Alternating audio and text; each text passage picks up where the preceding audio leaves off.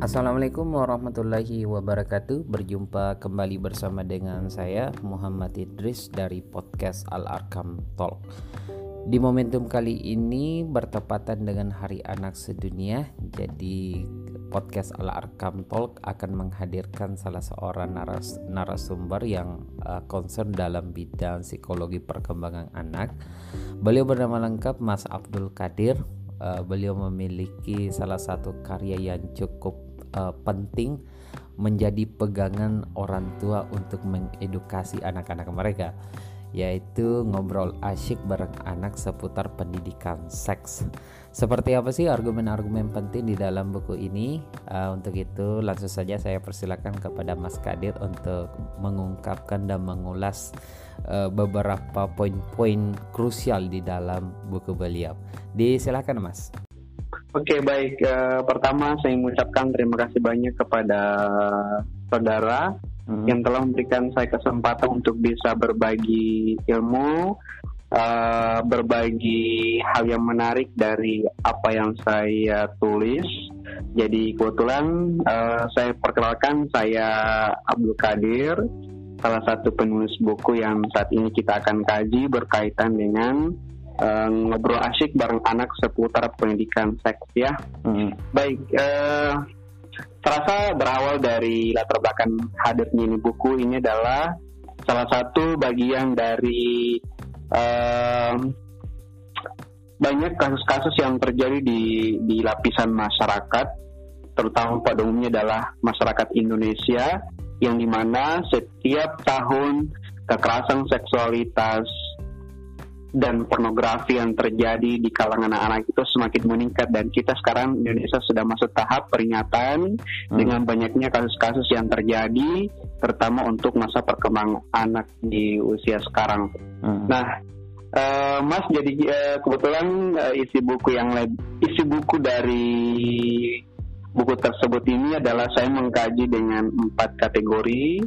Hmm. Uh, kategori yang pertama itu adalah berkaitan dengan bagaimana caranya pendidikan seksualitas itu kepada anak.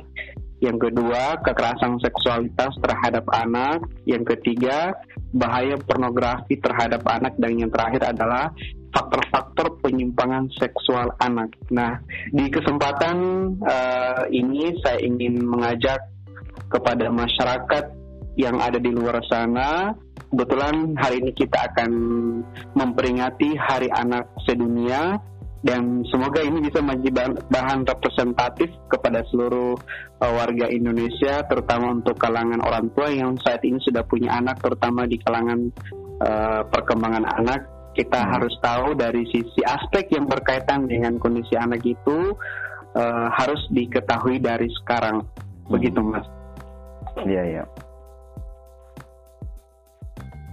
Jadi uh, kita tahu di saat uh, membahas tentang bagaimana pendidikan seksualitas itu kita terapkan di anak kita itu adalah saat ini bukan lagi hal yang hal yang tabu atau hal yang aneh yang harus dibahas. Namun ini sudah saatnya kita mengedukasi kepada keluarga kita, ke anak kita betapa pentingnya pendidikan seksualitas itu di kalangan keluarga. Hmm. Sebab di saat ketidakhadiran pendidikan seksual di dalam keluarga maka banyak yang akan terjadi terutama di uh, terutama di perkembangan anak akan mengalami kekerasan dan lain sebagainya yang berkaitan dengan seksualitas tersebut ya. Hmm. Nah di sini di, diajak kepada orang tua untuk uh, kerjasama dalam hal pendidikan seksualitasnya. Nah, kira-kira apa sih yang dimaksud dengan uh, pendidikan seksualitas itu? Nah, terlebih dahulu saya akan menjelaskan. Jadi uh, kita harus paham dulu apa makna seks dan apa makna seksualitasnya ya. Hmm. Kalau makna seks sendiri adalah itu lebih tepatnya kepada uh, alat vital atau hmm. alat yang uh, manusia, sedangkan seksualitasnya itu adalah uh, fungsi dan uh, kaitan-kaitannya dalam hal interaksi sebagai manusia sendiri. Nah, di sini saya membahas tentang uh, kenapa saya tertarik untuk membahas mengenai pendidikan seksualitas itu mas ya. Mm-hmm. Di samping uh, saya banyak mengkaji baik dari kasus-kasus yang lama maupun kasus-kasus yang baru ini, ternyata kekerasan seksualitas kepada anak itu sangat banyak sekali, banyak sekali dan terutama saat ini sudah meningkat mm-hmm. dan tentu kita harus waspada sebagai orang tua. Kalau Jadi, berbicara dari segi rentang umur mm-hmm. yang paling rentang itu di usia berapa mas? Oke, okay. mestinya jenjang penerapan pendidikan seksualitas itu adalah harus dimulai dari usia perkembangan ya, mulai hmm. dari uh, eh, 0 sampai 5 tahun sampai ke 12 tahun. Atau hmm. kita tahu sekarang sudah masuk kategori sekolah dasar ya yeah. untuk perkembangan itu. Nah, di, di sini adalah perlu ada uh, edukasi yang perlu diterapkan kepada orang tua berkaitan dengan apa yang harus dilakukan dalam hal penerapan pendidikan seksualitas itu ya. Nah, misalnya dalam hal contoh pendidikan seksualitas dalam rumah adalah kita tidak boleh mempertontonkan hal yang agak vulgar, agak vulgar di hmm. depan anak-anak kita uh, yang sifatnya bisa mengundang rasa penasaran dengan hmm. aktivitas yang kita lakukan. Nah, mestinya sebagai orang dewasa yang tinggal dalam lingkungan keluarga perlu harus mewaspadai tentang aktivitas apa saja yang kita harus lakukan di depan anak ya. Hmm. Jadi perlu untuk diperhatikan. Nah, yang kedua adalah sebagai orang tua harus betul-betul memahami dari sisi pemahaman eh, jenis kelamin anak kita. Hmm. Misalnya ya, ya. saat sudah kita memiliki dua anak, anak laki-laki dan perempuan ya. Mulai dari kecil kita sudah mulai memberikan uh, pembagian mana porsinya sebagai wanita dan mana porsinya sebagai laki-laki. Hmm. Seperti itu ya, misalnya memisahkan tempat tempat tidur dan hmm. pakaian dan lain sebagainya. Itu apa bagian dari uh, salah satu pendidikan seksualitas yang perlu diterapkan dari usia dini. Seperti itu, Mas. Ya, persoalannya sekarang Mas kan kadang kita agak sedikit katrok ya ketika misalnya ah, berhadapan dengan anak-anak yang usia mungkin uh, usia balita atau mungkin usia di atas lima tahun kesulitannya hmm. adalah untuk menyampaikan hal-hal yang vulgar itu betul sebenarnya sesulit apa sih untuk mengungkapkan hal-hal yang vulgar sebagai bentuk edukasi terhadap anak bahwa oh, hmm. oh hal ini tidak boleh kita uh, show up di ruang publik harus tertutup hmm, betul, ini betul, harus ya, tertutup ya. itu tidak boleh hmm. menyentuh ini atau mungkin lawan jenis dan seterusnya iya, mungkin ya, baik, baik. seberapa sulit sih uh, ngobrol santainya seperti itu mas kepada anda. iya baik jadi uh, pemaknaan dari judul buku ini adalah bagaimana kita mendesain pendidik pendidikan seksualitas itu secara nyaman hmm. dan uh, kita mampu memberikan bahasa yang sesuai dengan perkembangan anak kita. Nah, kurang lebih pertanyaan seperti ini ya yang saya tangkap dari apa yang disampaikan oleh Mas bahwa uh, kapan waktu yang tepat untuk diberikan pendidikan seksualitas itu ya waktu yang tepat diberikan pendidikan seksualitas itu adalah sebenarnya mulai dari saat usia balita sampai usia-usia perkembangan. Nah, namun hal yang paling diperhatikan bagi seorang ibu adalah atau bagi seorang orang tua nanti penjelasan seksualitas itu dalam hal anak misalnya bertanya di situ adalah kesempatan untuk memberikan uh, penjelasan bahwa hmm. oh ternyata seperti ini dalam memahami seksualitasnya seperti ini untuk memahami organ yang ada dalam tubuhnya. Nah, sebagai seorang ibu harus mampu menjelaskan dari ber, berkali-kali menjelaskan apa yang ada dalam dirinya atau apa yang ada dari dari struktur organ yang ada dalam tubuhnya. Jadi seorang ibu mampu menjelaskan bahwa oh, ini fungsinya seperti ini dan ini fungsinya seperti ini supaya anak mulai dari awal, mulai dari usia dini, kita sudah memberikan penjelasan itu. Dan uh, seiring usia perkembangan yang terjadi akan bisa memahami apa yang disampaikan oleh orang tua di tengah di tengah-tengah keluarganya.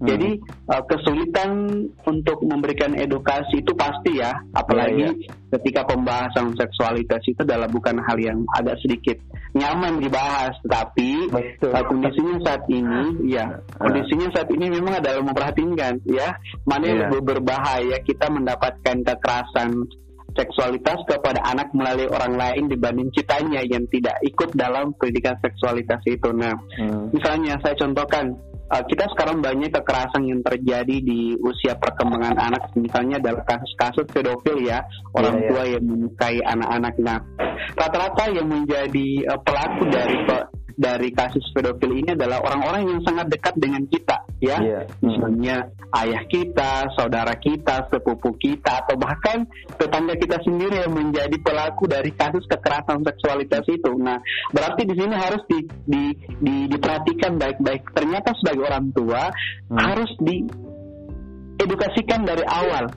ya, berkaitan dengan hal-hal yang bisa membahayakan ke anak ketika ada seseorang ketika ada seseorang yang uh, berusaha untuk untuk berbuat kejahatan terutama darah terutama dalam hal kejahatan seksualitas itu. Nah, seperti ini contohnya, seorang ibu harus mampu menjelaskan dengan perkataan seperti ini. Di saat kita memiliki anak perempuan, ya, ibu itu harus mampu menjelaskan seperti ini. Nah, uh, organ yang ini tidak boleh disentuh oleh siapa pun kecuali ibu. Hmm. Nah, di saat kalimat itu sering kita utarakan kepada anak, anak akan memiliki uh, mindset bahwa oh kata ibu saya adalah tidak boleh ada yang sentuh kecuali ibu. Hmm. Nah, pada saat dia sudah mulai berinteraksi dengan masyarakat di lingkungan keluarga bahkan di di di luar lingkungan sendiri keluarga sendiri itu anak ketika ada seseorang yang ingin melecehkan anak itu, dia akan beraksi karena dia mm, mm, mengingat bahwa kata ibu tidak boleh disentuh oleh siapa pun kecuali hmm. ibu. Nah, yeah. hal-hal yang seperti itu adalah harus dibiasakan kepada anak untuk bisa menjembatani berkaitan dengan kejahatan seksualitas yang terjadi di kalangan masyarakat kita saat ini. Hmm. Iya. Iya, iya. Begitu, iya. Mas. Kalau untuk poin-poin lainnya kira-kira apa apalagi Mas yang penting untuk menjadi uh, perhatian kita bersama begitu di samping uh, sebagai orang tua atau mungkin kita sebagai generasi muda yang uh, kemudian uh, istilahnya nanti akan juga akan membimbing generasi mereka kan kayak seperti mm -hmm. itu. Mm. Iya. Uh, serasa untuk untuk uh, para orang tua yang saat ini sedang memiliki anak usia perkembangan hal yang paling utama diketahui adalah seorang ibu adalah atau seorang orang tua harus mengilmi dulu sebagai orang tua. Jadi bukan bukan hal yang kebetulan ketika uh, kita diberikan sebuah titipan dalam bentuk anak. Artinya kita harus perlu juga untuk mengilmi bagaimana caranya mendidik anak. Hmm. dan kedua adalah harus betul-betul menjaga dari sisi perkembangan anak kita. Apalagi saat ini adalah semuanya akses uh, internet dan lain sebagainya sangat mudah dijangkau ya.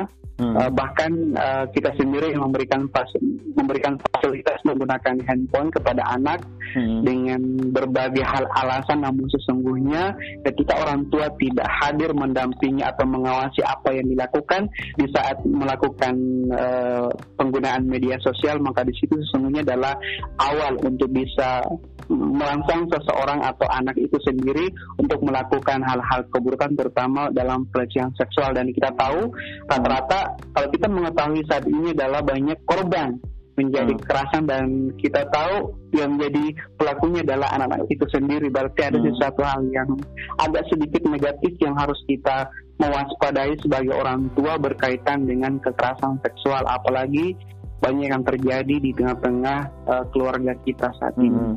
Ada hal ya. yang menarik yang uh, saya uh, apa sih hmm. tadi dari Mas Kadet bahwa persoalan yang kemudian menjadi tantangan anak-anak sekarang itu karena kan uh, sekarang peran peran dari orang tua itu terlalu permisif dalam hal fasilitas-fasilitas berupa smartphone, internet dan seterusnya kan itu sudah dimiliki oleh ya, anak. Ya. Nah di sini kalau kita berbicara masalah uh, pendidikan seks terhadap anak itu kan kadang-kadang kita melarang ini, eh, bukan melarang ya, tapi mengedukasi tentang ini boleh, ini tidak boleh dalam iya. hal-hal ron-ron privasi dari masing-masing seseorang entahkah itu dari jenis kelamin dan hal-hal yang hmm. sensitif dari seorang perempuan tidak boleh ini dan seterusnya dari rasa penasaran itu kadang-kadang banyak kasus yang kita temui di lapangan itu uh, smartphone yang dipegang oleh anak-anak menjadikan dia berselancar dan melihat hmm. hal-hal hmm. yang kemudian ya, betul, betul. pada dasarnya kita sudah sampaikan, orang tua sudah menyampaikan batasan-batasan hmm. ini tidak boleh ini, tidak boleh itu.